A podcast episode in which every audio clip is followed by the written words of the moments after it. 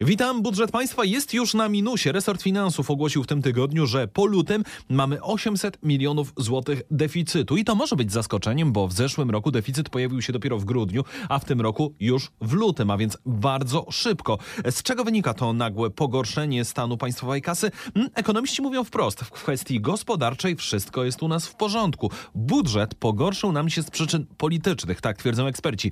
Minister Finansów już teraz, chociaż nie musiała, na przykład zapłaciła składkę do Unii Europejskiej i dała dużą dotację do ZUS oraz samorządów. Minister e, Czerwińska więc celowo sprowadziła stan kasy na minus, tak mówią ekonomiści. Po co? A chociażby po to, żeby ostudzić oczekiwania różnych grup społecznych co do podwyżek, na przykład oczekiwania nauczycieli. Także po to to zrobiła, by ostudzić zapędy jej kolegów z rządu co do zbyt hojnego obiecywania pieniędzy. O tym wszystkim rozmawiałem z ekonomistą banku ING Karolem Pogorzelskim. Duża część takich miesięcznych wyników budżetu wynika z księgowych zabiegów Ministerstwa Finansów. Znaczy ono może zdecydować o tym, że pewne wydatki przesuwa na jedne miesiące albo zmniejsza w innych miesiącach. I prawdopodobnie z czymś takim mieliśmy do czynienia w lutym, dlatego że wydatki wzrosły takie jednorazowe, czyli na przykład ministerstwo zapłaciło dużo większą składkę do Unii Europejskiej w tym miesiącu i to jest trochę zgadywanie, czy mogło zapłacić ją później, czy wcześniej, czy mogło ją w ratach wypłacić przez dłuższy okres. No w każdym razie to jest to 3,4 miliarda złotych, które wypłynęło z kasy państwa w, w lutym, które nie wypłynęły rok temu w tym okresie. Drugi taki czynnik to jest dotacja do ZUS i trzeci dotacja do samorządów. I to jest też prawdopodobnie ministerstwo mogło te dotacje na inne miesiące przesunąć, zdecydowało się zrobić to teraz. Kumulacja tych wszystkich czynników spowodowała, że mamy deficyt, a nie mieliśmy, nie mamy nadwyżki. Częściowo na pewno wynika to z chęci takiego prefinansowania wyższych wydatków państwa w najbliższych miesiącach. Na przykład wyższa dotacja do ZUS prawdopodobnie wynika z tego, że ZUS będzie miał bardzo duże wydatki w związku z trzynastymi emerytami w maju. Więc już teraz Ministerstwo Finansów strzelało pieniądze.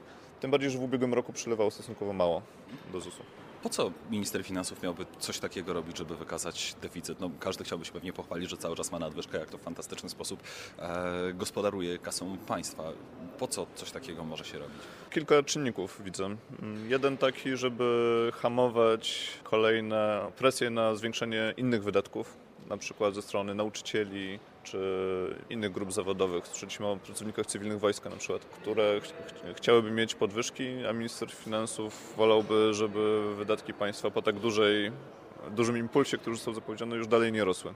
W związku z tym może chcieć pokazywać e, deficyt już teraz. Druga sprawa jest taka, że tak duży impuls fiskalny musi się przełożyć na wzrost deficytu państwa i jest rozsądne, żeby starać się ten deficyt w dłuższym okresie czasu go zbudować. W tym sensie, żeby na przykład już teraz płacić do ZUS większą dotację, po to, żeby nie, nie robić gwałtownych ruchów, na przykład po stronie podaży długu publicznego.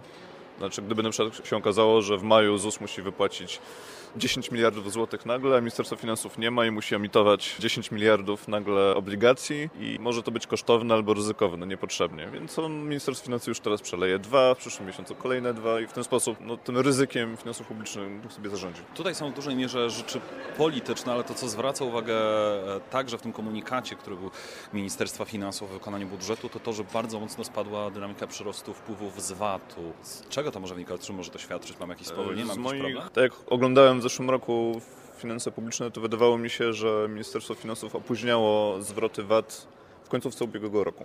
Po to prawdopodobnie, żeby wykazać niższy deficyt e, budżetu centralnego. Jeżeli opóźniało, to w końcu będzie musiało te zwroty VAT-u wypła- wypłacić, więc spodziewałem się, że faktycznie dochody z VAT na początku tego roku będą niższe.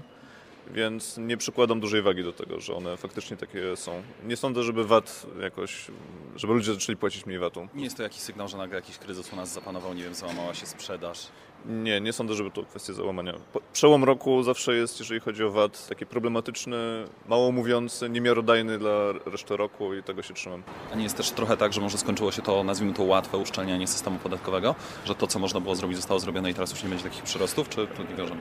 Znaczy, na pewno tak jest. Skończyło się łatwe uszczelnianie, będzie coraz trudniej duże wzrosty, natomiast ten spadek, on jest dość duży. To był ekonomista banku ING Karol Pogorzelski.